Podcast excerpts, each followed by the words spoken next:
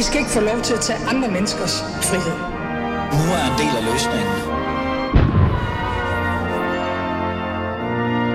Gud bevarer Danmark. Ja, Gud bevarer alle, øh, især mig, fordi jeg er tilbage i dit studie, eller i mit studie og i jeres ører, kan man sige.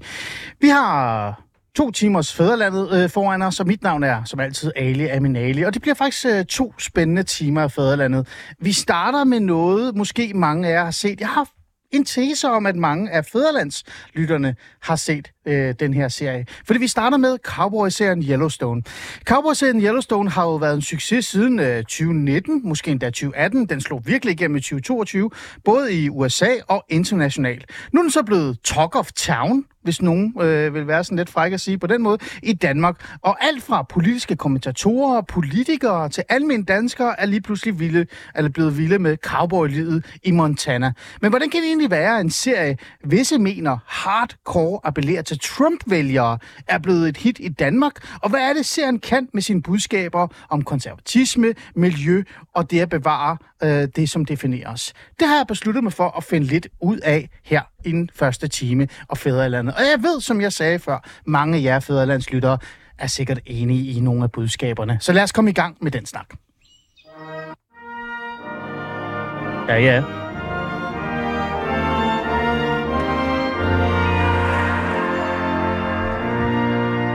Sådan, og jeg er så ivrig efter at komme i gang, at jeg kommer til at trykke på den forkerte knap. Og ved du hvad? Sådan er øh, det også nogle gange. Vi skal jo tale om den her serie Yellowstone, og for at kunne gøre det ordentligt, så skal jeg jo have nogle mennesker i studiet, og jeg er temmelig heldig i dag, for jeg har faktisk tre ekstremt dygtige øh, personer i studiet. Lad mig starte med dig, Anne øh, Andersen. Velkommen til. Tak skal du have. Du er, jeg har skrevet, du er journalist, og så er du filmkritiker. Men. Ja. altså, du er jo meget mere end det. altså, Ja, nu er jeg også selvstændig og kulturel iværksætter. Kulturel iværksætter. Fantastisk. Ja. Æ, Anne for øh, bare lige øh, vores lyttere, så de kan være med. Jeg ved jo godt, hvem du er. Jeg er jo nærmest... Øh, jeg er jo ikke bange for at sige det i mit program nogle gange, når jeg møder nogle af dem, jeg har set lidt op til i lang tid. Øh, jeg er jo dybt fascineret af film.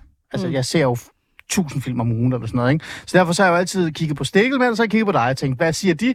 Hvis de er enige med mig, så kan jeg lide det, og så videre, og så videre. Men hvor lang tid er det egentlig, du har arbejdet og beskæftiget dig med den her, altså det her, øh, hvad kan vi sige, erhverv, det med film, serie og, og anmeldelser for den sags skyld? Ja, men det er faktisk sådan, at jeg her i år, i 2024, har 30 års jubilæum som 30 års filmanmelder. jubilæum. Uh, det siger noget om ens alder, ikke? Øh, hvor gammel man så er blevet. Øh, ja, øh, jeg har jo været inde omkring forskellige medier. Jeg har været på Berlinske i, i 10 år, 11 år faktisk nu, for jeg tog et ekstra år her for nylig. Øh, og Godmorgen Danmark på tv, Nova mm. FM, øh, forskellige steder. Nu har jeg startet mit eget medie, fordi jeg er træt af mediechef og skal bestemme over kulturdækningen herhjemme. Det lyder så godt. nu har jeg startet mit eget medie, der hedder What to What, som har videoanmeldelser, og vi er lige gået ud her i den forgangne uge med, at Bauer Media, øh, som er en kæmpe radio, Ja. øh, kommersiel radio-ejer og podcast-ejer, har øh, indgået samarbejde med os. Så vi bliver simpelthen en filmpodcast øh, hos Bauer Media. Så du bliver ved, det fremover. stopper ikke. Det stopper ikke, og så har jeg Nej. filmklubber, bogklubber og alt muligt andet. Så det her med at se film og, og se serier og så videre og så videre, analysere det både fra det, det faglige perspektiv, men også hvordan det for eksempel kan være med til at definere et samfund, eller kan præge et samfund, eller kan, øh, hvad kan vi sige, være en, sådan, at gøre folk nysgerrige. Det er noget, du er vant til. Lad os bare sige det på den måde, ikke? Jo, altså, og det er jo det, der er det interessante ved, ved øh, at anmelde eller være filmkritiker, fordi at øh, vi lever også i en tid, hvor det hedder everybody's a critic. Altså, alle kan jo sige deres mening om, hvad, hvad de synes om det, de ser. Ja. Men det er jo noget andet at kunne perspektivere det, og også at sætte det i relief i forhold til, hvad det kommer af. Altså sådan rent filmhistorisk. Øh, og trække referencer fra alle mulige andre ting og sådan noget. Det er det, jeg synes er, er ret interessant. Så er det godt, jeg har dig i studiet i dag. Mm. Vi har også David Trass i studiet. Ja. En god ven af fædrelandet. Det er godt at høre. Altid, altid. Og lige over. USA-guru og Trump-kondisseur, har jeg besluttet for at kalde dig. Det lyder godt. Jamen, du, du er jo vild med Trump, uden at du vil indrømme, at du er vild med Trump. David, øh, den her serie, vi skal jo tale om den her, men vi skal også tale om selve øh, den amerikanske identitet nærmest. Skal vi ikke det? Jo. Altså, fordi øh, jeg spurgte dig, om du har set serien. Du sagde, jeg har i hvert fald set øh, de der op til. Øh, og, øh, og, og hvad synes du egentlig om det? Synes du, den sådan, viser den amerikanske identitet? Ja, den er jo super spændende. Jeg tror, man altid skal huske på, hvorfor er det, at det, der foregår ud vestpå i USA, det fascinerer i første omgang amerikanerne, og dernæst os selv. Så er det fordi, det er hele skabelsesberetningen om USA, vi har med at gøre her. Altså, da USA bliver til USA, som vi kender i dag, 1776, 1789, deromkring, der sker der jo det, at, øh, at USA næsten kun består af europæere, her ser vi bort fra den indianske befolkning, men de her nye europæere, der er kommet, de bor næsten alle sammen sådan inden for 50-80 km af Atlanterhavet. Og så begynder man op igennem det 18. århundrede at rykke mod vest. Så den der store fortælling, Out West, Ja. det der er ude vest på, det er spændende, det er nyt, det er derude den amerikanske drøm, mm. øh, den eksisterer. Og det er den der se- serie Yellowstone. Yellowstone ligger jo i Rocky Mountains, og mm. Rocky Mountains er jo også øh, savnomspundet, fordi det er en af klodens yngste bjergkæder. Det er derfor, bjergkæderne, ja. altså hvis man ser bjergene i Yellowstone, så kan man se, at de ligner sådan nogle bjerge, som børn tegner med rigtige takker på. Og det er fordi, sådan ser de ud, de, de nyeste. Jeg var i tidernes morgen, Ali, øh, boede jeg øh, i lange perioder derude, og var bjergbestiger, så jeg kender det der område rigtig godt. Det er vest, det er out west, det er den amerikanske drøm, det er skabelsesberetningen, mm. og den der prequel, hvis jeg lige må sige det, ja. der ligger altså før den nutidige Yellowstone, den der hedder 1883, som altså handler om, hvordan familien kommer derud, Ja. er efter min mening et mesterværk, for den fortæller hele historien om, hvordan det var at være sådan nogle nybyggere, der var kommet til USA, og så skulle ud på det her land, som vidderligt var helt nyt og uopdyrket. Jeg vidste sgu ikke, du var bjergbestiger, David Træs. Altså, Hva? der er meget, jeg ved Ja, om det, ja, ja. jeg ved. Jo, jo, og bjergbestiger i flere år, og, og var derude i Yellowstone. Det lyder Grand som sådan noget- Det er et skønt sted. Skønt Okay. sted. Ja. Det er rigtigt, Ali. Det lyder, jeg, jeg, på mig, som om prøv, det er jeg rigtigt. tror på dig. Jeg er bare, jeg er bare overrasket. Øh, vi har også Esben Schøring i studiet, politisk redaktør på Altinget. Mm. Øh, jeg, er du også bjergbestiger? Jeg ved, du cykler meget. Jeg er ikke, ikke bjergbestiger, i, øh, er ikke alpinist på den måde, nej. Nej, øh, Esben, du er jo i studiet, øh, øh, både fordi du har den her politiske viden, mm. men også fordi du er lidt fan af den her serie. Ikke Jeg lidt, så- meget. Meget. Jeg, jeg så på Facebook, der skrev du det her, det er jo en fantastisk serie. Ja. Øh, bare lige kort, før vi går i gang med at forklare og fortælle det. Hvordan faldt du over den her serie? Altså, dukkede den bare op foran dig, eller? Nej, altså den lå jo længe på den der lidt hemmelige streamingtjeneste Showtime, Ja. øh, som er, er, vi har jo alle sammen flere streamingtjenester, men det var altså en af dem, jeg ikke øh, betalte 80-90 kroner til øh, hver, øh, hver måned. Ja. Øh, altså jeg er jo gammel øh, western-fan i det hele taget, Ah. øh, så har set øh, enormt mange øh, cowboy-film. Okay. Øhm, Så du og- kunne ikke lade være? Og så er jeg øh, meget stor fan også af Kevin Costner, så jeg var hele Mm. tiden sådan lidt øh, ærgerlig over, at øh, jeg ikke kunne komme ind i den der serie. Og nu er den jo så de første tre sæsoner, øh, og det er måske også grund til, at vi taler om det her Ja. i dag, på den streamingtjeneste, vi alle sammen har, nemlig øh, Netflix. Øh, og, øh, og det har jeg så set den. Okay, ja. godt. Øhm, så har jeg introduceret alle sammen. Jeg har fortalt, hvorfor I er her, og jeg synes bare, at vi skal gå i gang med så også et eller andet sted at forklare, hvilken altså, serie vi overhovedet egentlig er, vi skal tale om. Og i stedet for, at jeg skal gøre det, så har jeg besluttet mig for, at Anne det skal du hjælpe mig med, mm-hmm. med din erfaring og din viden. Så øh, før vi går i gang med at analysere den og tale om den her øh, serie, øh, lad os lige få på plads øh, fra, jeg har skrevet et fagligt perspektiv. Hvad er det her egentlig for en serie, kort fortalt? Jamen, det er en western, øh, som der er blevet nævnt. En neon-western, kan man sige, fordi den jo, altså western er en gammel, gammel filmgenre, øh, og, og den har sådan gået i popularitet lidt op og ned, og den er blevet dømt øh, ude og død mange gange, og så er den øh, genren altid kommet tilbage. Og, og det er der jo mange grunde til, at den gør, men, men øh, dybest set, som, som David også var inde på, altså det er jo det, jeg synes, det der western-genren kan, det er jo i virkeligheden så helt ultimativt, så stiller den jo spørgsmålet, hvad er det for en civilisation, vi vil have? Mm. Øh, og det er jo det, der helt, altså alle westerns på, på en eller anden måde altid bevæger sig omkring. Og den, og- altså Taylor Sheridan, som så går ind ligesom og moderniserer western-genren på sin måde, han går jo ind og laver en, en fiktionsserie til et publikum, som er ret overset i USA. Altså hele det her Middle America-publikummet, fordi mm. når man laver fiktionsserier, øh, specielt hos amerikanske streamingtjenester, så til gode ser man øh, typisk øh, altid det urbane publikum, altså mm. vinder Yorkerne de store byer. Francisco, ja. Så man glemmer lidt dem der, der, der bor ude de store to- ude på de store tomme hviler og arbejder med deres hænder og arbejder med hester og køer. Ikke? Altså, Det er gode folk. Præ- Præcis. Og, og det er jo det, han ligesom fortæller. Men, men i en historie, som den er flere gange blevet sammenlignet med Succession, fordi den faktisk har nøjagtig samme familiedynamik. Ja. Ja. Det er en stor patriark, der skal finde ud af, hvordan han vil øh, dele sin arv mellem sine børn. Ja. Øh, nøjagtigt som i Succession. Ja. Øh, det sker bare ude på en range, og folk har cowboyhatte på i, i, i stedet for, ikke? Så, så øh, det er, øh, der er meget at sige om den her serie i virkeligheden, ja. Hvad den egentlig kan. Men hvad har den så kunnet, og hvor populær er den så i, i, i USA? Øh, jeg talte jo med dig om, at øh, vi skulle lave det her afsnit, og vi, vi, vi grinede lidt begge to, for vi var sådan, om vi har jo kendt den her serie siden 1920, da den kom ud. 18. 18 endda også, mm. ja. Så hvad hedder det, hvad er det, den har kunnet i, øh, lad os bare starte med med USA, for den er jo vanvittigt populær, ikke? Ja, og den, men det blev sådan et sneerhit, og, og historien er jo med Taylor Sheridan, han har jo også en virkelig god historie bag sig.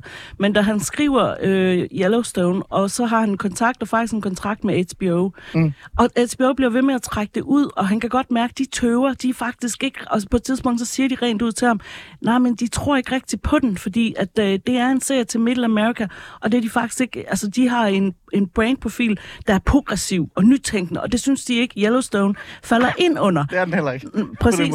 Øh, så, så, og, han kom, og de trak sådan, øh, han, han kom jo med Kevin Costner, og så sagde de, at vi vil have Robert Redford i stedet for. Så kom Taylor Sheridan med Robert Redford, og så var de sådan, ej, stadigvæk ikke. Og så fik han nok på et tidspunkt, så, han, så trak han øh, dealen tilbage, og så får han jo den her kæmpe deal med, med Paramount Plus, som er interesseret i at lave en ny streamingtjeneste, og som tør satse. Mm. Og, og, og historien er, at han siger til dem, det er godt, I, altså, I skal ture det her, fordi det er, det, det er en serie, der kommer til at koste omkring 100 millioner dollars, og I skal udskrive en, tje- en check på 50-75.000 dollars om ugen bare til hesteudgifter. Ja, ja. Øh, og, og, og, og, og, men det siger jo noget om, at altså, og, øh, da den så kommer ud, så bliver den sådan lidt en, en, et sneer-hit, og præcis ude i de her store byer, Dallas, Denver og så videre, mm. bliver den kæmpe stor, men ikke i de store byer.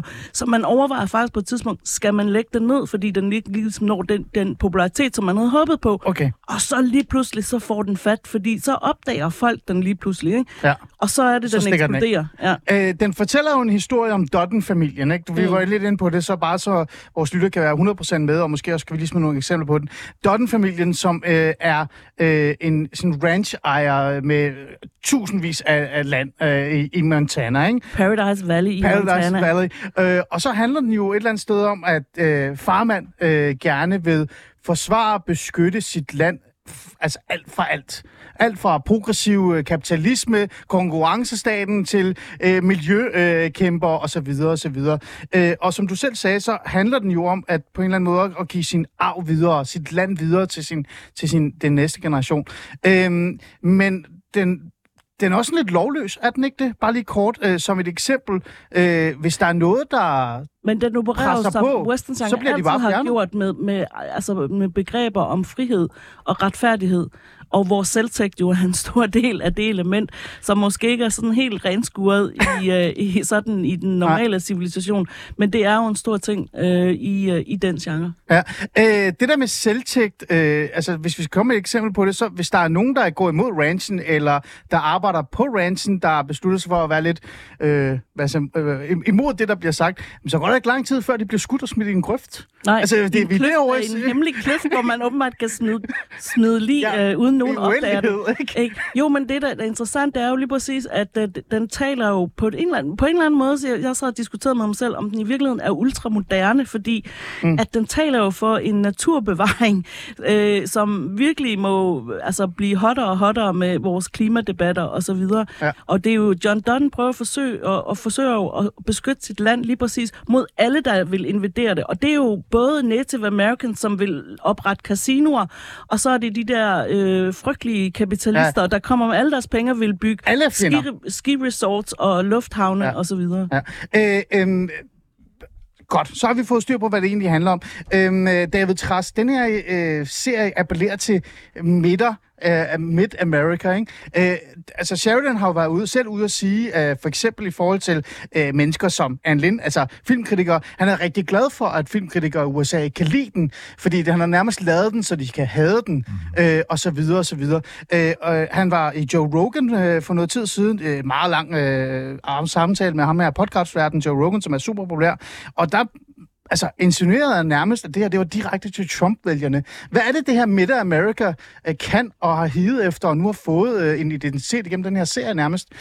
Ja, altså for det første havde de jo en klar identitet i forvejen, det bliver forstærket af den her serie, men det er jo selvfølgelig rigtigt at huske på, at USA er et kæmpe stort land. Inde i midten har vi det, vi kalder Middle America. Hvis vi kigger sådan på et politisk kort over USA, så kan vi sådan nogenlunde sige, at i alle byer, der har en million eller flere indbyggere, det er halvdelen af den amerikanske befolkning, der stemmer man i alt overvejende grad på demokraterne. Resten af det her store land, altså alle, der bor i byer på under en million indbyggere, helt ned til ude på landet, de stemmer ja. i overvejende grad på republikanerne. Så det er jo rigtigt nok, at når vi er ude i Rocky Mountains, når vi er i, i, i Mellemamerika, ikke, ikke forstået som den del af Sydamerika, der hedder Mellemamerika, men det vi kalder Middle America her, så er vi inde i en verden, du vil jo elske at bo der, Ali Aminali, fordi Ja, for jeg- derude, ja, derude jeg du, må går, du går altid med kasket her hjemme, Ja. ja. som baseball cap, men altså i USA, der vil du jo være sådan en, hvis du boede i Wyoming eller Montana, Jeg der vil gå med cowboy hat, Ja, ikke? Og det gør folk jo derude. Altså det er jo det, man må huske på. Det er ikke fordi, de, de venter på, at der kommer en turist forbi. Det gør man, når man går i cowboystøvler, og man har ofte hest, og alle de her forskellige ting sætter pris på nogle andre værdier, end man har i New York og Washington og, og hvad hedder det, San Francisco og LA og alle de her byer. Så det er et andet sted, og det er jo rigtigt, som Anne Linde- Anne Linde er inde på lige før. Mange, mange, mange, mange tv-serier foregår inde i de her storbymiljøer. Og hvad er det for nogle problemer, man har, når man har en lille lejlighed og alligevel skal bo ude i byen? Alt det der. Sex and the City foregår hele tiden, eller mest ude i byen, fordi det er man, når man bor i New York City. Her i den anden, der sætter man jo pris på, at man er hjemme i sit hus, man er i sit hjem. Det er en helt anden del af, af USA, der, der, der er vigtig her. Så det er da klart, hvis du er en af dem, øh, der ligger og bor derude, det er jo altså cirka halvdelen af den amerikanske befolkning, der ikke bor i de her store byer, så er du glad for, at der er en tv-serie, der ikke bare handler og foregår et sted, hvor du er, men også i det univers, øh, der er dit. Og, og cowboy-filmen, som, som, som både Esben og Anne taler om her, det er, jo det, den, det, det, det er jo det, det er i virkeligheden. Men det er der så mange, der er. Det er Mission Impossible også, det er øh, øh, Top Gun også, mm. det er øh, Terminator også i virkeligheden. Det er den der idé om, at der findes et godt menneske, Ja. som ved, hvordan tingene burde være. Og det kan godt være, at der er mange progressive herover, der er flere end mig, men jeg, jeg tager sagen i egen hånd, og jeg løser det selv. Mm. Det er jo et stærkt karaktertræk. Øh, Esben Schøring, øh, Middle America, øh, Trump-segmentet, øh, appellerende til et opgør med konkurrencestaten, oplevelsesøkonomien, ja. øh, kapitalismen skal have en på nakken, de skal fandme ikke komme mm. og lave deres højhuse og deres ski-resorts. Altså, det er jo... Øh, det, er jo- det er jo en spændende serie, du er blevet glad for. Ja, det er det da i meget høj grad. Øh, den falder jo ind i en, i en tradition, som øh, Clint Eastwood, synes jeg også har stået for, at genfortolke amerikansk identitet via en genfortolkning af de mytologiske historier om USA, herunder ja. cowboy, øh, hvad det hedder, ja, øh, ja, både dem, der ligesom sådan, er rigtige cowboys, men også sådan øh, gunslingers øh, i det hele taget. Øh, det er jo, er jo noget, Kevin Costner, som også er producer på det, det er jo også en, det er jo en tradition, han også har er gået ind i. Baseball-film øh, film har han også lavet, Ja. øh, lavet øh, film, øh, en kendte film om øh, Kuba-krisen. Så det er jo den tradition, den, er, den, den, øh, den træder ind i. Altså western-genren har ligesom et par faser i hvert fald. Ikke? Der er en fase, som, som er øh, John Waynes øh, fase, ikke? Hvor, hvor øh, uironisk, ureflekteret øh, øh, bare dyrker øh, They Wore a Yellow Ribbon og alt det der. Ja. Øh, og så kommer der en fase, hvor europæerne øh, træder ind øh, og begynder at lave westerns også. Øh, og der, der, der, der, der er det jo mere, hvad kan man sige, der bliver western-genren en måde at konfrontere sig med moderniteten, altså modernitetsproblemer, fremmedgørelsesproblemer, Ja. øh, hvad kan man sige, problemet med, at vi bliver mobiliseret, flytter væk fra der, hvor vi bor, alle sådan nogle ting, og øh, at kvinderne øh, kommer til, og ligestilling, og hele det der spørgsmål om, om det moderne liv, og hvad man, og hvad man muligvis taber Ja. i det.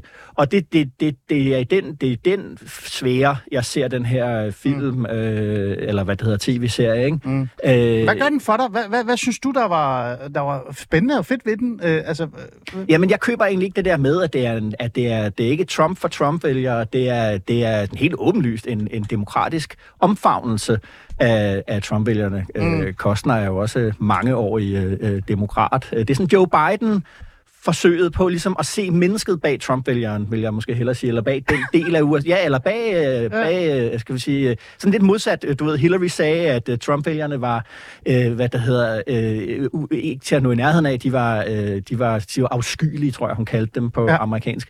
Og der har jo været en hel vending øh, inden for øh, sådan øh, demokraterne, hvor mm. siger, måske skal vi lige øh, lidt parallelt med, hvordan vi også øh, har haft en dansk diskussion om, måske så var den der moralske ja. kritik forkert af, af, af folk, der havde et, et stærkt tilhørsforhold til det nationale. Ikke? Så du ser det faktisk som sådan en form for pædagogisk forsøg på at putte, putte, tage dem med ind i rummet? Nej, jeg ser det som, at- øh, som, øh, som respekt. De bliver, Respekt. Ja, øh, helt klart. Øh, og så er det jo en tragedie. Øh, øh, helt klassisk, øh, at, at folk prøver at nå, at nå nogle mål, og, og, og de midler, de tager i brug Ja. ja. for at nå dem, gør, at de ikke kan øh, nå dem. Ikke? Ja. Øh, ja. Der, der, hvor de er kapitalistisk kritikere, altså kapitalismekritikere, er jo ikke en modstand mod kapitalismen som sådan, men det er jo en klassisk øh, liberalistisk tankegang, at der ikke må opstå en vulgær øh, kapitalisme, altså og en Ja. monopoldannelse, hvor nogle bestemte mennesker kan altså kan knægte den lille mand og den mellemstore virksomhed, det vi kalder små og mellemstore virksomheder i Danmark. Det er jo det miljø, og de består selvfølgelig, som Esben er inde på, folk, der driver små og mellemstore virksomheder i USA, ikke kun af republikanere, der stemmer på, på Trump, men også af masser af demokrater. Det er jo også det, vi kalder i et andet begreb i amerikansk politik, altså Main Street America. Mm. Main Street forstået som den her hovedgade, vi kender fra de gamle cowboyfilm, hvor der er en saloon, og hvor der er et advokatkontor, alle de her, altså alle det sådan traditionelle, pæne og ordentlige borgerlige Amerika, det er det her jo på en eller anden måde en forsvar for. Og i det borgerlige Amerika der, mm. øh, der er der en stor modstand, ligesom der er hos, hos, hos venstreorienterede amerikanere, stor modstand mod øh, en kapitalisme, der stikker af, sådan at nogle få monopoldannelser bestemmer det hele. Og det får vi jo øh, syn for savn i den her serie for. Ja, Og det er jo, altså hvad kan man sige, øh, den amerikanske grundmyte er jo øh, bundet op på den private ejendomsret. Altså det er ideen Ja, ja, det- om, at, at vi alle sammen har øh, naturlig ret til, til vores krop, mm. til, vores- til føden af, af vores øh, arbejde, eller frugterne af vores arbejde hedder det.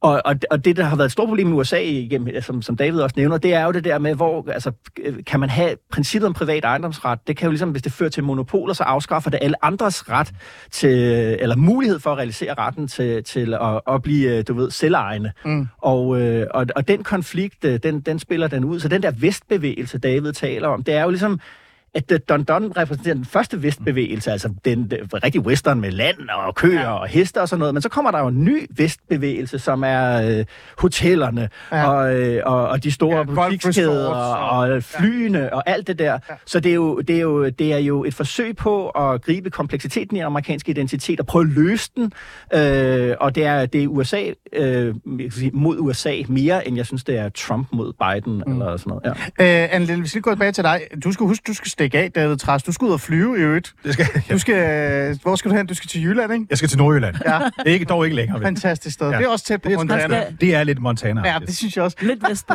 nordpå. Anne Linde, øh, du sagde det selv, skaberen Taylor Sheridan øh, har jo virkelig haft en kæmpe hovedrolle i det her. Ikke? Øh, især også fordi, at meget af den her serie åbenbart er, øh, hvad kan vi sige, han er blevet inspireret af hans egen barndom. Mm. Øh, det er i hvert fald det, jeg kan læse mig frem til, og også har hørt, når han har fortalt om det. Han har jo selv været sådan en form for mini-cowboy, han har vokset op i et ranch osv. osv. Øh, men når man spørger ham, hvad hans mening med, øh, med serien er, så siger han også, at der er ikke rigtig nogen mening. Øh, jeg vil bare have, jeg vil gerne fortælle en, en grundfortælling. Øh, det siger han i hvert fald i Joe Rogan. Ikke? Der er ikke en rigtig plot. Øh, Nej, det er det, han, ja, der ja. er ikke plot der er ikke i sådan hans øh, et historier. mål med det. Men Nej. det, man skal ikke misforstå det, der ikke er struktur, fordi der er struktur i hans fortællinger, men der er ikke noget plot som sådan. Nej. Øh, og det er der jo for så vidt heller ikke i Yellowstone. Det er jo på mange måder et melodrama, ikke? Altså et Men har han virkelig ikke haft nogle samfundsmæssige, politiske visioner med at, at, at pege på den her målgruppe og lave Altså, en jeg, serie han har jo selv været ude at sige, nu taler vi jo politik, men han har jo selv været ude at sige, at han ikke ser altså Yellowstone som en politisk serie. Mm. Han har ikke haft politiske intentioner med lige præcis at, at, at appeal til, til Trump-segmentet. Men at det så er kommet, fordi de føler sig set, fordi han fortæller historier derudfra, hvor de bor. Ja. Det er jo så noget andet. Men, men man kan sige, at det, der er, er kendetegnende for hans historie, det er faktisk alle hans historier, øh, både på film og serier, det er jo, at han er forsvar for den lille mand. Mm. Han er den, den lille mand, der arbejder stadigvæk med sine hænder, og ikke med, med, med finanser og med spekulationer Åh, ja. i, gode i mand. aktier og sådan noget. Vel? Altså, ja. den gode mand, der arbejder med sine hænder. Og, og, det, og ham er han jo altid en forsvar for. Det er han jo, uanset om det er for eksempel hans øh, første film, Hello High Water, Ja. som handler om to brødre, som har mistet deres familierans efter finanskrisen. Ja, Øh, Fantastisk film. Præcis, det er en fantastisk film, som han jo vandt en Oscar for på manuskriptplan. Men, men det, bare for at fortælle, at det er, den, det er de mennesker, han interesserer sig for. Ikke? Mm, ja. Øh, David, du skal videre, så derfor får du lige et ord øh, øh, smidt ind, før vi går videre. Øh, den her, øh, den har jo også, øh, og det er det, vi skal tale om i anden del af programmet, som starter cirka lige om lidt, det er, den har også appelleret rigtig meget til danskerne. Altså sådan, men også internationalt. Nu har danskerne også oplevet den, og der er mange, der synes, den er fed, den er spændende, og den er sådan, og, og, og den er og også noget selvjustis, de godt kan lide ved det, ikke? Altså, øh, er der også noget af det, man ser fra amerikanerne til danskerne, som du måske også kan se i danskerne?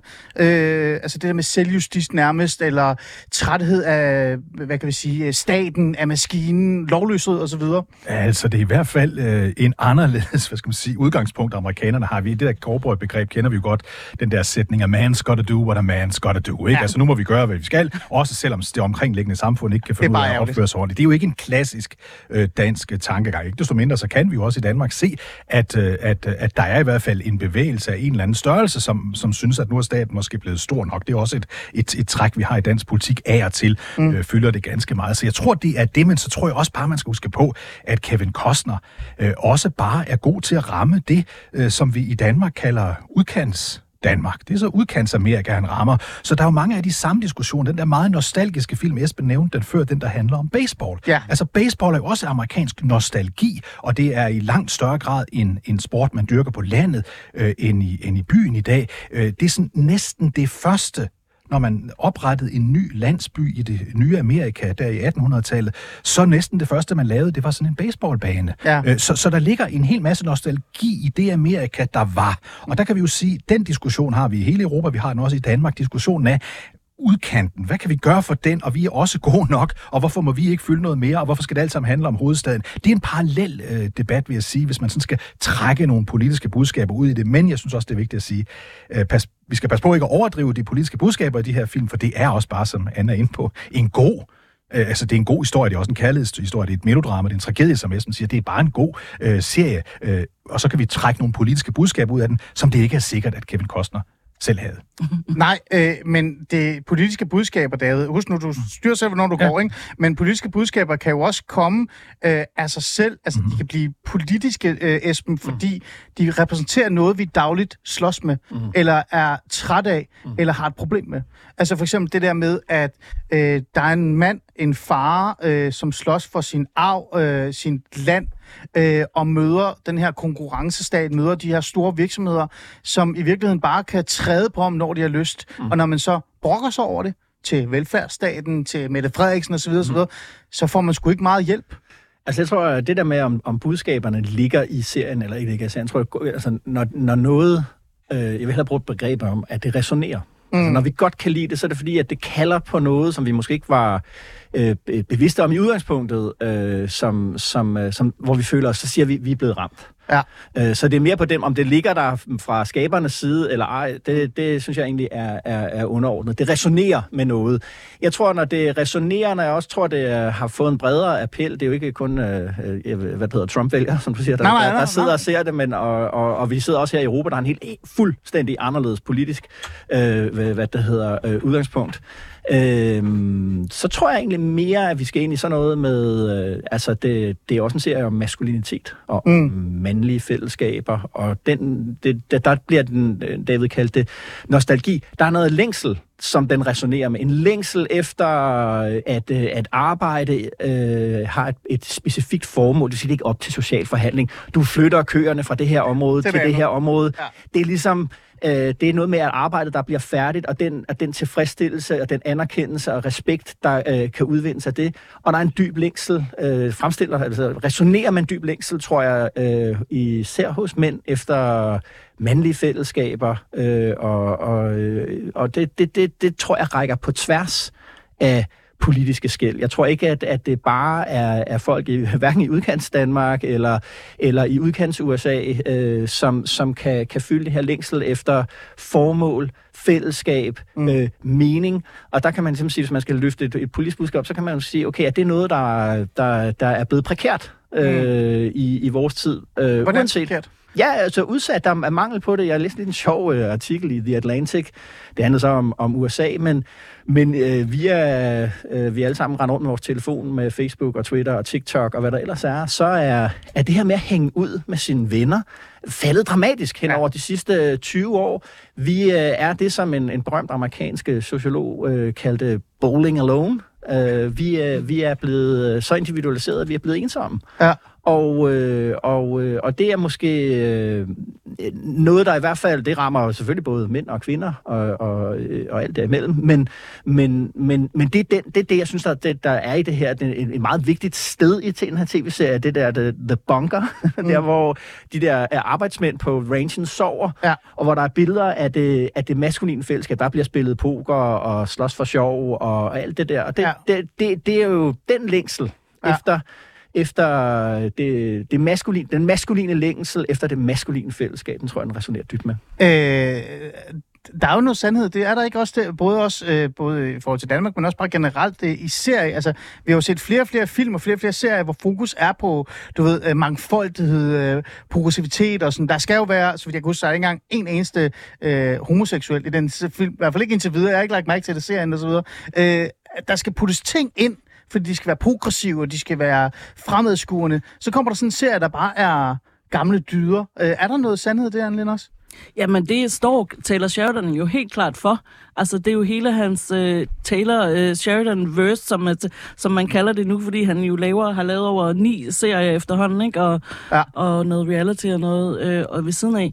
Og, og det, øh, altså, det står han jo... Det, jeg giver Esben fuldstændig ret, at der, der er det element i uh, især Yellowstone, men i virkeligheden også i mange af hans andre øh, serier. Øh, øh, hvad hedder det, øh, øh, fængselsserien blandt andet også er et godt eksempel på Nå, det. ja. Oh, gud, hvad hedder Øh? Mayor of Kingstown for Ja. ja. eksempel, ikke? Mayor of Kingstown. Øh, Øh, men så vil jeg også lige skyde ind, at han jo, at når han så vil, så kan han jo også skrive virkelig, virkelig interessante kvindekarakterer. Ja, ja. Mm. Fordi at Beth Dutton er jo fandme noget af en... kan du lige forklare, hvem Beth Dutton er? Fordi lad os lige få hun hende ind. spiller, bliver spillet af Kelly Riley, og øh, hun er datter af John Dutton. Ja. Og øh, hun er jo egentlig, lidt, vi var inde på det før, den der kapitalist, hun arbejder med finanser, og, og, og ligesom er den del af familien, der står for det administrative. Og hun er lidt, øh, hun er fars pige, helt Ja. klart, ikke? Og så har hun en traumatisk historie med sin øh, stedbror, øh, som Jamie, som øh, de, de kører en, øh, en, Den kon- sorte får. årlang Øh, ja. konflikt. Ja. Øh, hun hader ham vældig meget, og det er der en grund til. Og så er hun forelsket i Rip, som er ligesom øh, førstemanden på, på rangen. Ja. Øh, og de har også en meget årlang og meget romantisk øh, kærlighedshistorie. Mm. Men Men, også- hun er badass, og hun, altså, hun øh, står ikke tilbage for et godt slagsmål, hvis det er det, det kommer an Ja. på. Øh, hun er super fed, men hun var jo faktisk en af, de, altså en af grundene til, at HBO faktisk ikke øh, var... Øh, Var det karakter, en karakter? det var også... Øh, den var ikke hun var også nok, spil. eller hvad? Jeg ved Nej, ja, hun, de, hun var lidt for farlig. Altså til. HBO dengang, ikke? Ja. Ja. Og, og, og det hende der Beth, ah, det, hende skulle han måske gøre noget ved, øh, Taylor Sheridan. Og det nægtede han jo, som han gør. Han er jo meget enrådig, skal jo lige øh, siges. Altså, han, øh, han har jo total kontrol over alle serier, han laver, fordi det kræver han. Ja. Og det var jo en ordentlig deal engang med Paramount Plus, at han siger til dem, vi kan godt lave den her kontrakt, men I skal vide, jeg, jeg, jeg vil selv bestemme alt, og øh, I skal bare øh, altså, give pengene, Giv penge men I, væk. I får ikke lov til at se Nej. Noget på manuskriptet, I får, der bliver ikke lavet et writers room, Ja. I får ikke lov til at, at skulle godkende manuskripter eller noget som helst. Ja. Han er også selv med i serien, bare lige for, for lige at sige Ja, det, men uden han er, noget. han er jo en fantastisk rytter, Ja. øh, og laver sådan noget dressur øh, ridning, Ja. ja. øh, western dressur ridning, og det, der dukker han jo selv op øh, Ja. i Han laver også Yellowstone. nogle slides med, med hesten, hvor man bare tænker, det er jo vanvittigt, at han Jamen, det er helt vildt, men han er jo en gammel skuespiller. Altså, det var jo sådan, han startede med Ja, Hollywood. ja. Det er jo det, man, hvis man lige skal tage den med som en lille krølle, så har han jo selv en fantastisk historie, fordi at øh, han, øh, han beslutter øh, på et eller andet tidspunkt, at han godt kunne tænke sig at blive skuespiller, og så øh, rejser han til LA og forsøger det, og han får, sådan, han får kun små roller. Han er blandt andet med i Sons of Anarchy Ja. ja. som sheriffen. Øh, og, og, og, men det bliver ikke ligesom til mere, og så beslutter han sig for simpelthen at lægge hele skuespillet på hylden, rejser hjem, Øh, og så, øh, bliver, så begynder han så at skrive den her, øh, den her serie, og så springer han ud som manuskriptforfatter som 40-årig. Og laver, ja. Det er sent. Øh, den her øh, karakter Beth, den har du sikkert også lagt mærke til. Jo, tak. øh, det, det er jo lidt sjovt, fordi jeg har spurgt lidt øh, rundt omkring, også skrevet til, til forskellige, øh, selvfølgelig i min egen øh, vennekreds og min venners vennekreds og sådan noget, øh, i forhold til den. Der er mange kvinder, der synes, hun er pisse sej, Jamen, det er hun da også. men også kvinder, som kalder sig selv for nyfeminister og, og alt det der ting. Alligevel så kigger de på sådan en som Beth og tænker, hun er, hun er sådan en, man drømmer om at være. Hvad synes du om Beth? Jamen, øh, øh, vi skal måske også sige, at, øh, at, øh, at Yellowstone øh, i, er helt klart, den tilhører den der type af serie, som, som sådan, øh, uden, at, øh, kan man sige, uden at føle skam, er helt åbenlyst sådan øh, soap opera også. Ja. Altså karakterer, der bliver hævet ind og ud, og falske, hvad hedder, eller ikke falske, hvad det hedder, uægte børn, øh, uden for ægteskabet, der dukker op, og, øh, og så videre, så videre, så videre. Og, øh, og det her er jo også, der bliver jo lettet med cowboyhatten for den, den moderskibet for alle tv-serier, nemlig øh, Dallas. Ja. Og øh, jeg synes, Beth er en, en, en stor øh, øh, øh, book øh, til Sue Ellen, J.R.'s øh, alkoholiserede øh, kone. Hun ligner, altså den måde, hun er klippet på og sminket på, øh, Beth, er, Ja, det er faktisk, ja. er, er meget tæt på, øh, på øh, der er der helt klart en hilsen til, til Sue Ellen. Ja. Øh, hvad det hedder. Jamen, øh, det, Der hun er, jo- noget Alexis i hende. Ja, der er noget Alexis også. Hun er, hun er femme fatale jo. Øh, en klassisk ja. rolle, ikke? Men, men det, jeg synes, nu nævnte Anne, øh, hvad det hedder, Succession, og der har været sådan en bølge af tv-serier, hvor øh, det, der har været karakteristisk at alle, har været nogle røvhuller. Øh, og her, der er de jo, altså det, der er med den her serie, er, at der er jo noget godt, at man er, man er jo med alle karaktererne. Mm. Ja. Også selvom de er forfærdelige. Også selvom de er onde, så der er altid, der er altid noget godt, du godt kan lide, og du kan sådan skifte i løbet af, af, af serien med ligesom at være bag nogen, som, øh, som ser. Jeg synes, at Succession, der var ligesom, øh, jeg følte mig enormt utiltalt af dem alle sammen. Ikke? Mm. Øh, og øh, og det, det, så der er ligesom, han er også på indianernes side i den her. Ja. Øh, der er, på den måde er der ikke nogen, der er, og det, der bryder han med western, øh, hvad det hedder, øh, skemaet, synes jeg.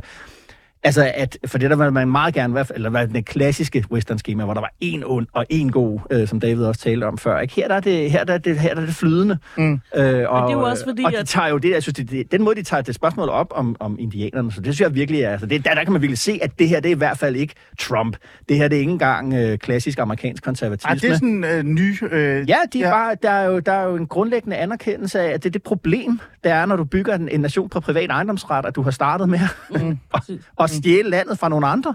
Øh, øh, og, det, og det problem, den fortid, der hele tiden kommer op igen, øh, øh, og, og for, det her kiksede forsøg, eller hvad kan man sige, den måde, man prøver at håndhæve den private ejendomsret, er jo så med vold, en eller anden næsten hellig ret til mm. vold, og problemet er, at den ikke løser noget, fordi der er jo det her skelet i skabet med, at, at hvis vi virkelig mente det med den private ejendomsret, jamen så, hvad skulle vi så tage hjem, eller hvad, ikke? Jo. Øh, og ja. øh, og det, det, det, der synes jeg, den er, der synes jeg, den er, den, det, det er ret specielt at se en serie, som øh, har alle de konservative udtryk og alt det der, tage, altså, tage, have den form for respekt for indianernes historie. Ja, øh, og vi kommer lidt ind på den der øh, krølle her lige om lidt, når vi tager en anden gæst med i studiet. Han- Jeg ved, han lytter med. Vi trækker ham ind lige om lidt, men vi skal lige... Øh, jeg vil gerne komme med et eksempel på det her også øh, til dig, Anne Linda. Så kan du lige sætte et ord på det. Øh, der er en scene, jeg skal nok lade være med at forklare hvorfor, men der er en scene, hvor øh, faren John, han står over for, øh, jeg tror det er, så er det så Caseys øh, kone, øh, som er indianer. Mm. Øh, og øh, der er lige sket en masse ting, der har været en masse ballade, og folk har forsøgt at angribe ranchen og så videre. Og så kigger hun ham i øjnene, og så siger hun, nu forstår jeg dig øh, faktisk, nu forstår jeg din mission. Du prøver at forsvare dig mod voldtægt og, og vold og alt det der ting, fordi det folk kommer og prøver at stjæle dit land. Du er faktisk blevet indianeren nu ligesom vi var. Øh, og der har han sådan et øjeblik, hvor John Donne bare står og kigger ud i luften og tænker, er det måske rigtigt nok? Øh, er der noget omkring det, det der med, at, at på, på en eller anden måde, så rykker den en grænse også, og øh, anerkender indianernes kamp for altså, bare t- at være til stede, Jensen, Ja. og deres historie? Jeg ved faktisk ikke, om man må sige indianer mere. Øh, Jeg ved det, vi- sådan vi noget siger indianer oprindelige efter- amerikanere. vi siger indianer efter Indfødte amerikanere, tror man... Du bruger de ord, du har lyst Men det bliver meget svært, og det er meget besværligt, ikke? Med jo. de der ord. Øh, men, men det er der jo, fordi at Taylor Sheridan, altså han er jo den, det, det, i den, det neon western univers, han skildrer, der er det jo selvfølgelig også de nye, moderne problematikker, og det er jo, når de indfødte amerikanere, lige præcis nødvendigvis har en ret til deres land og, og, og ret til at bygge de casinoer for at tjene nogle penge, som måske ikke er i landet, naturens bedste henseende, eller du ved, men, men det er der, de kan tjene nogle penge til, til, til deres, øh, til deres øh, community. Øh, så det, man forstår godt begge dele igen, som Esben var inde på før. Altså alle karakterer og alle problematikker har jo sådan en, øh, både en, en side, man forstår, og en side, man tager afstand fra. Så det er klart, at når man laver en skildring af det moderne Amerika derude, mm. så er der jo også de her spørgsmål om, hvem har ret til landet, hvem har ret til jorden, mm. øh, som dukker op med de her nye problematikker. Mm. Øh, men der og er det også, synes jeg også, den skildrer fint. Ja, men der er jo så også reelt så er vi tilbage til, jeg ved godt, jeg ikke må sige, der er budskaber, men der er i hvert fald, hvad var det, du brugte det flotte ord? Resonans. Resonans. Resonans. Jeg har jo ikke gået på elite universiteter, jeg er jo bare arbejder, ikke? Ja. Øh, ikke? Nej, det så. Men, men der er jo noget omkring det, som jeg synes, der, man godt kan trække ind i, uh, i uh, det amerikanske folk. Mm. Og nu gør vi det også til Danmark nu, fordi nu trækker Peter ind der med studiet. Det der med, at der er nogen, der er uden for systemet, uden for øh, øh, det der establishment, altså eliten, der føler, de ved at miste deres landsbyer, deres byer. Mm. De, de ser skoler blive lukket, de ser øh, købmanden bliver lukket, mm. øh, de ser virksomheder komme udefra og købe deres land, mm. øh, købe, lave aftaler med, by, med byrådet, eller hvad det er, for at lave store glasbygninger, så øh, Samsung kan have sådan noget. Er der ikke noget også øh, lige der? Jamen, det er jo øh, det, er jo det der spørgsmål om, om, om, om at blive moderne. Altså, øh, ja, ja, ja, men det er, øh, det, er, det er jo det, det, det er det da. Og, øh, og, og det, som øh, øh, mange forskellige vil knytte til det at blive moderne. Øh, man, der er en marxistisk udgave af det, eller der kan være en eksistentialistisk udgave, der er også en konservativ udgave, som siger, at vi mister os selv mm. i moderniteten.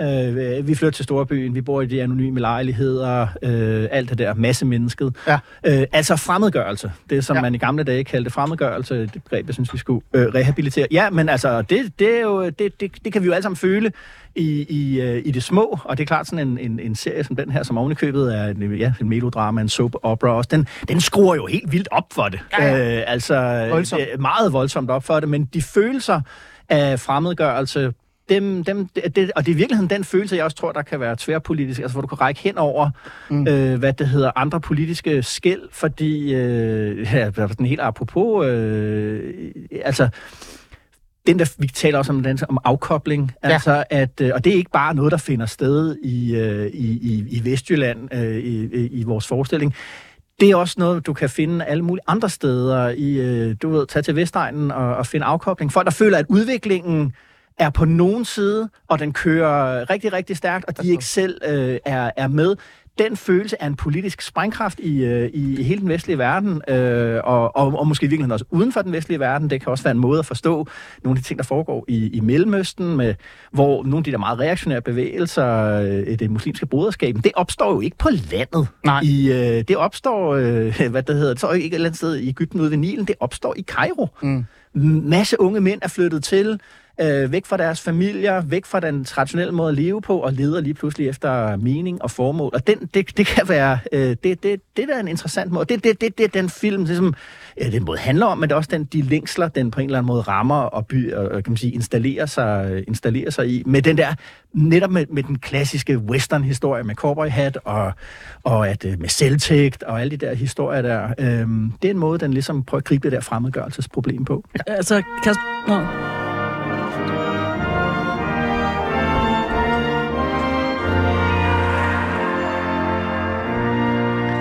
Øh, du lytter til Fæderlandet. Jeg bliver så opfanget af den her samtale, at jeg fuldstændig glemmer at lave nogle gode cutscener og fortælle lidt, hvad det egentlig handler om. Du lytter til Fæderlandet. Vi taler om uh, Yellowstone-serien. Uh, hvordan egentlig den, uh, hvad er den egentlig bygget op af? Hvad handler den om? Uh, og hvordan er det, den både har fået en succes i uh, USA, men også nu i generelt i Vesten og i Danmark? Og uh, Anne du havde uh, en bemærkning, du gerne vil komme af med bare afsted med den, så introducerer vi uh, Peter. Nå, men det var bare forlængelse af det, Esben sagde. Altså, det er jo, at udover et længslen efter maskuline fællesskaber, så er der jo lige præcis den længsel mod øh, afkoblingen, mod at flytte ud på landet, også som vi jo også ser en bevægelse af lige nu. Mm. Altså, noget romantiseret måske, vil nogen sige, men den er der. Folk, der søger øh, væk fra mm. det øh, urbane. Øh, Kasper Christensen, komikeren, har jo selv sagt, at han er meget inspireret Yellowstone til at, at, at, ja, at flytte ud på, på en gård. Ja. Og, og det er bare et eksempel, øh, at det er en bevægelse, der er i gang. Ja, Jamen, jeg prøver fuld respekt til Kasper Christensen. Så alle hans millioner, så havde jeg også gjort det. Øh, Peter, er du med? Jeg er med. Hej er med, Peter. Tak fordi du vil være med. Jeg må lige introducere, øh, hvem du er. Peter Astrup, du er journalist på BT, og man kan jo godt kalde dig politisk øh, øh, kyndig journalist. Kan man ikke det? Du er da en del af Altså, jeg er Christiansborg. på øh, BT's Christiansborg-redaktion. Ja, det må præcis. man vel næsten kalde mig. Det er jo det. Øh, Peter, du er med, fordi du også har set nærmest øh, ja. alle afsnit. Har du ikke det, du kan af Jo, Yellowstone? bortset fra de to sidste i, uh, i sæson 5, så hvis der er nogen af gæsterne derinde, der havde tænkt sig at spoil dem, så må de godt vente til jeg er, har lagt på igen. Jamen, vi har gjort alt, hvad vi kunne, Anne Linde. Synes du ikke, vi har været gode til ikke at øh, spoile noget som helst? Og det synes jeg bestemt. Ja, men jeg har også øvet mig i dag, for jeg har virkelig haft lyst til det. Øh, vi taler jo om Yellowstone, og øh, vi er nået dertil, hvor jeg gerne vil trække nogle associationer til, til Danmark, fordi der er også, den er blevet sindssygt populær i Danmark. Og det, jeg synes, der er meget interessant, Peter, øh, vi har været lidt inde på det meget, Esben også her, det er, at den har nogle temaer, som vi danskere måske godt kan øh, se os selv i. Øh, jeg har lavet sådan en, en dobbeltcheck over, hvad er det egentlig for nogle fem temaer, den, øh, den repræsenterer, og, øh, og så fik jeg også lige chat GPT til også at godkende det, for jeg tænkte, hallo, kan du lige undersøge det for mig? Øh, det er jo min redaktion, chat GPT, det er en anden snak. Øh, men men øh, den siger, at øh, det er konflikter mellem tradition og modernitet, der er identitetskamp, øh, der er kamp om øh, altså matriklen, kan man også sige i virkeligheden. Så er der kritik af kapitalismen og globalisering, og så er der ønske om en, øh, altså en ægthed, altså en, en autentisk liv. Og så er der også den her retfærdighed, fremmedgørelse, men også en, en øh, hvad kan vi sige, en øh, kritik af staten. Øh, mm. Hvis det her, det er de fem temaer, og det er det sådan reelt set, øh, den her serie er bygget lidt op på, øh, er der så nogle af dem, du godt kan se, der gør, at vi danskere også er blevet lidt fanget af den øh, lige nu? Ja, det kan jeg sagtens se. Altså, jeg kan se enormt mange af de ting, også som jeg har hørt nogle af gæsterne i studiet her sige øh, lidt tidligere. Altså, først og fremmest vil jeg bare sige, at jeg synes, Yellowstone er en fantastisk skrevet historie. Den har et manuskriptarbejde og nogle karakterer, som jeg synes er enormt alsidige og enormt komplekse. Det er sådan lidt, det er jo ikke en, en, en serie, der minder om Matador, men den, den, det sted, hvor jeg synes, den ligner lidt, det er, at man kan se både gode og dårlige ting ved alle de her karakterer, og det tror jeg appellerer til enormt mange mennesker, at man får en, nogle komplekse personer, mm. som man kan relatere til. Når det er så sagt, øh, det er jo nok mere en ekspertise end min, men altså, der er jo en splittelse i samfundet i øjeblikket. Den er jo ekstrem i USA, hvor man i øjeblikket gennemgår et, et bizart øh, opkamp, optag til et præsidentvalg med en meget, meget gammel øh, siddende præsident, som udstår en frygtelig alders... Øh, Ja. En øh, frygtelig alderstegn, og så Trump, som, øh, som de færreste europæere kan lide. Men, men de splittelser har vi jo også i Danmark. Vi har også set dem herhjemme. Hele den her, for eksempel Inger Støjbergs kamp øh, om, øh, om by og land, og om at blive ved noget af det traditionelle, og ikke høre så meget på de her salonger, som Inger Støjberg kalder det, med, med alle de her etablerede mennesker, der laver mere eller mindre ligegyldige ting, hvis man bor på den anden side af, af, af Lillebælt. Og der tror jeg, det er jo den verden, godt nok i USA, som man på en måde ser lidt ind i. Altså, at man er langt væk fra regeringen, at man er et andet sted, og ens virkelighed er noget helt andet. Og man har nogle værdier om, hvad der er ens, og hvad der tilhører en, og hvad man gerne vil kæmpe for privat selv, Mm. på trods af det etablerede system. Mm. Det tror jeg, der er rigtig mange mennesker, der kan se sig i. Også selvom de i virkeligheden bor i København og er en del af det system selv. Vi talte meget dig om den her serie, og jeg, skrev, jeg ringede lige også øh, sammen lige før afsnit, hvor du sagde sådan, prøv at, der er mange i min indbakke, der, er, øh, der har den samme øh, øh, vrede, eller træthed, eller irritation, øh, som man måske kan se i Dodden-familien i virkeligheden. Altså, og, og jeg spurgte dig sådan, jamen altså, der er også nok at tage fat i. Altså, der, der er en, øh, en virksomhed med en masse jord, der er ved at fjerne fuldstændig en, en landsby, og når de så kigger på staten og Mette Frederiksen, så får de jo at vide, at der er ikke noget at gøre. Vi skal nok finde ud af det på en eller anden måde. Der har lige netop været en skole, hvor vi har fundet ud af, at der er en masse børn, der har oplevet forfærdelige ting. Og når forældre kommer og siger, hvad sker der? Vi, vi, altså, vi, det er i selvjustitsglimlet, hvis I ikke gør noget. Så får det at vide, at det er noget med handleplaner og indsatser osv. osv. Øh, øh, er det de dynamikker, du, øh, du altså, godt kan se det i? Altså, jeg tror, der er en klar længsel i meget af det danske system og hos mange danske vælgere efter gode, konkrete løsninger her og nu på de problemer, som folk står overfor. Og det magter det demokratiske samfund næsten aldrig at levere. Altså skolen, du nævner, er jo et godt eksempel. Der er jo sket den her frygtelige, frygtelige ting med, med børn, der har, har mishandlet andre børn på god skole. Og så i går, hvor der er et forældremøde. Altså jeg oplever det hele tiden som journalist, når jeg kommer ind og taler med politikere og embedsmænd eller et eller andet, så får man den der bløde snakker udenom og det ene og det andet, og man ved ikke rigtigt, hvad løsningen skal være. Mm. Men for de her mennesker, som, som kom ud i går af skolen, der oplevede man jo, at det var sådan nærmest noget af det første møde, de havde med System Danmark, hvor noget gik galt. De havde nogle helt konkrete problemer. Vores børn mistrives, vores børn bliver mishandlet af andre børn. Hvad vi gøre? Og så kommer der sådan en snak om, hvordan vi har kommunikeret, og hvilke problemer vi har med at udføre vores ting og sådan noget. Og så går de jo næsten grædende ud, de her forældre. Ikke? Mm. Øh, og der kan man jo godt længes efter i sådan en serie som Yellowstone, nogle mennesker, som bare løser tingene. Men hvis der er et problem et eller andet sted med politikere, som modarbejder en, jamen så skyder man ham. Ikke? Altså jeg er med på, at det ikke er en god løsning, men når man sidder og ser det i dramaturgien på den måde, så sidder man og tænker, der er der i mindste nogen, der gør noget. Ja. Der er Ja. handlekraft, og der er løsninger på problemerne. Ikke? Mm. Øh, og man bliver bare syg nogle gange herhjemme af, hvor dårligt tingene fungerer, når man endelig har et problem. Det kan vi jo se alle steder i vores systemer, vores distriktspsykiatri, eller de priser, som bare bosser. Altså, Kærgården koster jo stadigvæk 25 kroner for en pakke. Ingen gør noget ved det, ikke? Ja. Man får et indtryk af, at ingen gør noget, og alle mulige siger noget hele tiden. Mm. Derfor er man glad for en serie, hvor folk gør noget.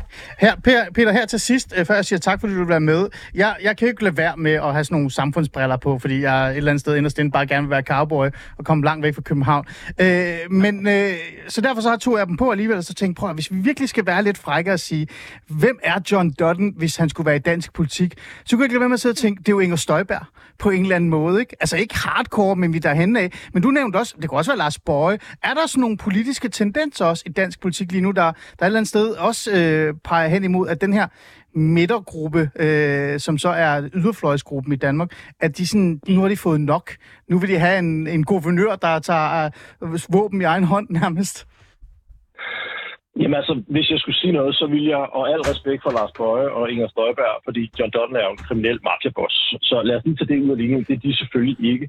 Men altså, han står nok for nogle ting, som, som både Lars Bøje og, og Inger Støjberg står for. Altså for Inger Støjbergs, øh, for Inger Støjbergs vedkommende står hun jo for det, der er langt væk fra regeringen, fra staten. Mm. Øh, folk, der driver et privat øh, erhvervsliv, på trods af dumme regler, som andre folk andre steder i landet finder på det tror jeg appellerer til den enormt stærke vælgergruppe, og den store loyalitet, hun har blandt sine vælgere over på sig. Og så er der Lars Bøje, som jo har formået at appellere til alle de her mennesker, der er vrede. Mm. Vrede måske over deres eget liv, som ikke rigtig fungerer, og vrede over, at de skulle lukkes inde øh, under nedlukningen under corona. Det er i hvert fald det, de klager over, når de skriver til mig. Ikke? Øh, og mener, at der er blevet begået forbrydelser mod menneskeheden øh, mod dem, og hvis de bliver slettet, får et indlæg slettet fra, fra Sundhedsstyrelsens Facebook-side, fordi de har skrevet noget grimt, så mener de, at de skal lægge sagen og sådan noget. Ja. Altså, den her sådan lidt skøre del af befolkningen, øh, de Okay. går også ud og fravælger staten på den måde. Ja. Det må man sige, at John Dutton i højeste grad også gør. Han gider ikke engang møde præsidenten, når han er på besøg. Nej, nej, det tror jeg ikke. Peter, tusind tak, fordi du vil være med og lige fortælle lidt om, øh, om øh, hvad dine tanker var omkring øh, serien. En fornøjelse. Øhm, jeg, vil jo, jeg, havde jo, jeg havde jo besluttet mig for at, at lade være med at gøre det så politisk, men Esben, er der noget sandhed i det? Lige der, øh, Peter siger. Der er jo mange vrede mennesker i hans indbakke. ja, det kan godt være. Øh, hvad det hedder... Øh, nej, men det passer ikke. Øh, hvad det hedder, det er... Det er øh, hvis, hvis jeg skulle sammenligne John Dutton med en politiker Ja. i Danmark... Meget kort, kom med øh, ja, Jamen, der er da lykke. Lykke! Ja. Moderaternes lykke hjemme. Altså, Moderaternes ja. lykke. Jamen, altså, det er jo... Altså, det, det, Kompromisets mand. Jamen det der med, at man siger, at der er nogen, der gør noget. Altså ja, de gør noget hele tiden i, Ja. i, i Yellowstone, men de løser ikke det grundlæggende problem. De havner jo hele tiden i det samme problem. Ja, det gør de. Det Så, så fuldstændig det hjælper jo ikke noget. Øh, hvad det hedder, øh, så den, den tragiske figur, manden, der prøver at overleve, øh, øh, og, og, som, så, og som jo i kraft af sin, øh, sin fortid og det, han har gjort, øh, hele tiden bliver underløbet, mm. ja, der synes jeg, der er lykke minder meget mere om John Dutton end uh, Inger Støjberg. Er Mette Frederiksen så Beth, eller hvad? Jeg tror, det er Barbara Bertelsen, der er Beth. det ved jeg ikke. Jeg kigger. Lad det ligge. Nevertheless, så er den her serie virkelig sat en masse ting i gang, Anne Lind. Øh, vi kører på femte sæson. Første halvdel af femte sæson. Første sagde jeg. Prøv at Vi mangler jo jeg, jeg, anden halvdel. Jeg ødelægger jo ikke noget. Se, hvor sød jeg er her. øh, og man kan se serien øh, både på Netflix, øh, i hvert fald op til tredje sæson, og så skal man øh, investere 60 kroner i at se det andet. Ja. Esben, har du gjort det? Øh, ikke nu. Og der er mange gode serier derhen. Der er også Lioness. Det er også en god serie. Det er Nina for dig. Altså, de har jo alle Taylor Sheridan-serier. De ja. ligger på Sky Showtime. Okay. Ja. Ja. Ja, se, se. Nevertheless, så bliver det jo interessant, men det er lidt sjovt, her kort til sidst, at se en serie, der i virkeligheden appellerer til en form for øh, autenticitet og sådan ærlighed omkring, hvordan man lever, øh, blive så meget succesfuld i Danmark. Men jeg synes, Esben, du har været god til at sætte ord på det. Tak fordi I kom i studiet. Jeg havde jo en quiz med, men så stak øh, David Træs af. Oh. Ja, for eksempel lige at spørge, hvor, hvad, hvad drive egentlig betyder at køre. At hvad? Drive, ved du, hvad det betyder? Øh, Når du kører bil, drive, hvad det kommer fra? at drive noget? Ja, præcis. Drive køer, Mhm. for eksempel. Ja. Det er sådan noget cowboy-slang. Okay, okay. Det er nok ikke nogen, der vidste. Nej. Men altså, det blev ikke til noget for David Trassen stak af. Så det ender bare med at sige tusind tak, Lind, fordi du vil komme og hjælpe mig med at sætte ord på den her serie, hvad det egentlig betyder for os øh, danskere, men også udlandet. Og Esben. Schøring, Tak. altid en god ven af Fæderlandet. Tusind tak, fordi du vil komme og sætte nogle politiske perspektiver på det.